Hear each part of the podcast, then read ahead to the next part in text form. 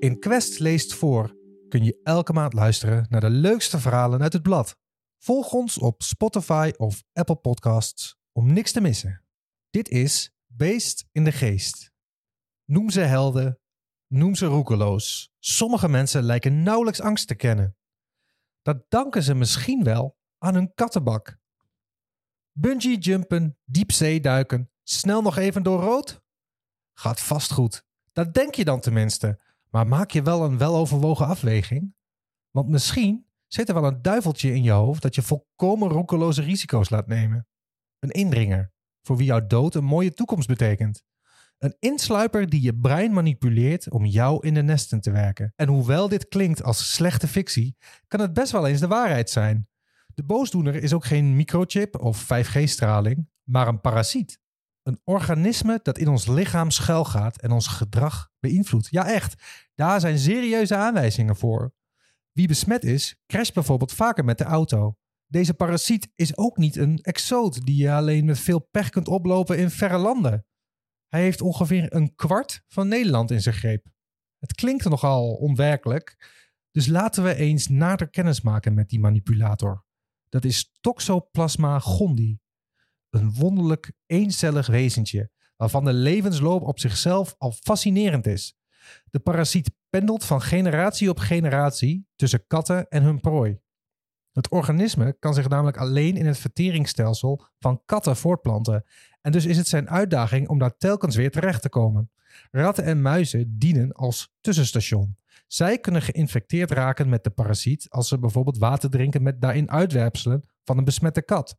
Die uitwerpselen zijn vergeven met nakomelingen van Toxoplasma gondii. Als besmette ratten en muizen daarna worden opgegeten door een andere kat, plant de parasiet zich voort om vervolgens weer nieuwe knagers en katten te kunnen besmetten. Mogelijk heeft het woord toxoplasma inmiddels al een klein belletje doen rinkelen, want de parasiet kan bij mensen toxoplasmose veroorzaken.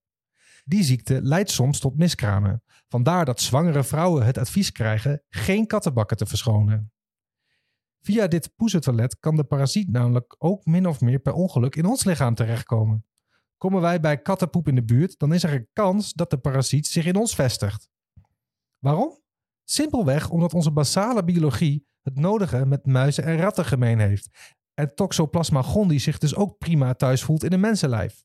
Krijg je de parasiet als onbedoelde passant binnen, dan word je daar eventjes ziek van. Maar gewoonlijk stelt dat niet al te veel voor. Alleen in geval van een heel verzwakte weerstand en bij ongeboren baby's kan de ziekte dodelijk zijn. Vandaar de zwangerschapsadviezen.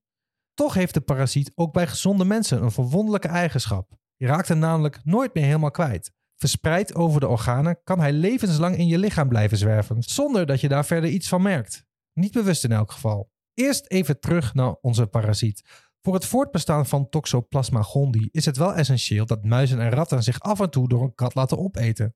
Katten hebben daar wel oren naar, maar de knaagdieren piepen over het algemeen anders. Dat komt de parasiet slecht uit. Dus brengt hij de prooidieren maar wat graag op andere gedachten. En wonderlijk genoeg krijgt hij het ook daadwerkelijk voor elkaar. De eencellige is namelijk geen passieve bewoner van knaagdieren. Hij beïnvloedt hun gedrag. Zo zijn muizen met toxoplasmose nieuwsgieriger en minder angstig, blijkt uit studies. Terwijl hun reactievermogen juist vermindert. En minstens zo opvallend, hun natuurlijke afkeer voor katten neemt af. Sterker nog, de muizen voelen zich aangetrokken tot kattenpis, zo tonen meerdere experimenten aan. Daarbij wordt kattenplas gesproeid in een hoek van het muizenverblijf. Gewone muizen mijden die plek dan. Muizen met toxoplasmose zoeken hem juist op.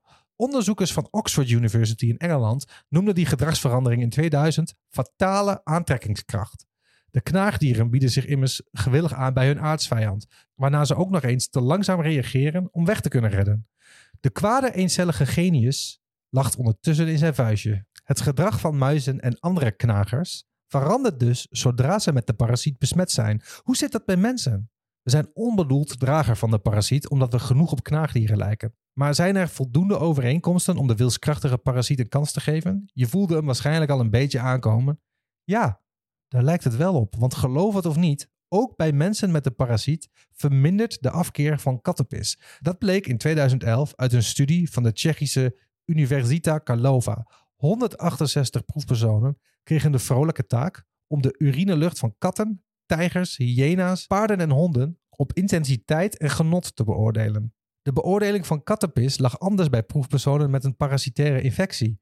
Niet iedere door Toxoplasma gondii gegijzelde bleek overigens kattenpisliefhebber. En vreemd genoeg beoordeelden mannen het plasje positiever terwijl vrouwen kritischer werden. Waarom dat is, daar bestaat nog discussie over. Dan is het nog maar een kleine stap naar die andere gedragsverandering. Worden we net als besmette muizen ook roekelozer en minder alert?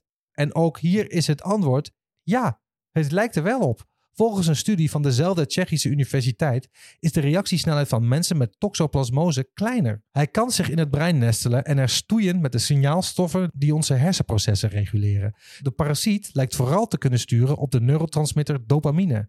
Dat verandert je niet in een marionet, volledig gecommandeerd door de parasiet, maar zorgt dus wel voor meetbare gedragsveranderingen in roekeloosheid en alertheid. En die zouden je je leven kunnen kosten, want de besmettingsgraad met de kleine indringer houdt verband met auto-ongelukken. Dat bevestigde een overzichtsstudie van Mazandaran University of Medical Sciences in Iran in 2018. Van de mannen die na een ongeluk werden onderzocht, bleek bijvoorbeeld bijna 40% besmet met de eencellige boeman tegenover 23% in de niet-botsende controlegroep. Bij vrouwen lagen de cijfers weliswaar dichter bij elkaar, maar waren er ook duidelijke verschillen. Kennelijk zijn geïnfecteerden inderdaad roekelozer of worden ze gehinderd door een trage reactievermogen. In het verkeer telt dat, dus eindigen ze vaker in de kreukels. Hoeveel impact Toxoplasma gondii op onze levens heeft? Het percentage mensen met een toxoplasmose-besmetting schommelt sterk tussen landen. Van minder dan 10% in bijvoorbeeld Groot-Brittannië en de VS tot meer dan de helft in Zuid-Amerika en Zuidelijk Afrika. In Nederland gaat het om ongeveer een kwart van de bevolking, schatten Cameroense onderzoekers in 2020. Je zou zelfs kunnen speculeren dat de parasiet culturele invloed heeft, zo stelt de Amerikaanse bioloog Rob Dunn in het boek Never Home Alone. In Frankrijk heeft het organisme bijvoorbeeld een stevige basis, omdat ze daar vlees graag weinig doorbakken eten. Ook langs die weg blijkt toxoplasmose zich te verspreiden, via slachtdieren die net als wij onbedoeld besmet zijn. Verklaart dat het flamboyante karakter van de Fransen? Drijft een manipulatieve parasiet ze tot dat gedrag? Les Français ogen in elk geval minder ingatogen dan mensen uit Zuid-Korea of Noorwegen. En daar ligt de besmettingsgraad, vermoedelijk dankzij een meer doorbakken dieet, flink lager. Zo bekeken zou je bijna zeggen dat een eencellige het lot van de mensheid bepaalt. Maar volgens sommige kritische onderzoekers overschatten studies de geestelijke impact van de parasiet doordat die zich bij mensen lastig laat bestuderen. Zo is het uit den boze dat je mensen in een experiment expres infecteert. En op individueel niveau zijn de verschillen te klein om ze te herkennen. Door een infectie verandert een verlegen huismus niet plots in een onbezonnen avonturier. Om verbanden te vinden zijn wetenschappers dus aangewezen op studies waarbij ze grotere groepen met elkaar vergelijken. En die doen vermoeden dat er inderdaad een samenhang is tussen toxoplasmose en riskant gedrag, met bijvoorbeeld die verkeersongelukken als gevolg. Toch is toxoplasmose daarmee geen bewezen oorzaak, want andere verklaringen zijn ook mogelijk. Misschien lopen avonturiers wel meer kans op parasitaire infecties dan huismussen. Ook tonen lang niet alle studies duidelijke verschillen aan, bleek in 2020 uit een overzichtsstudie van de University of Arizona in de VS.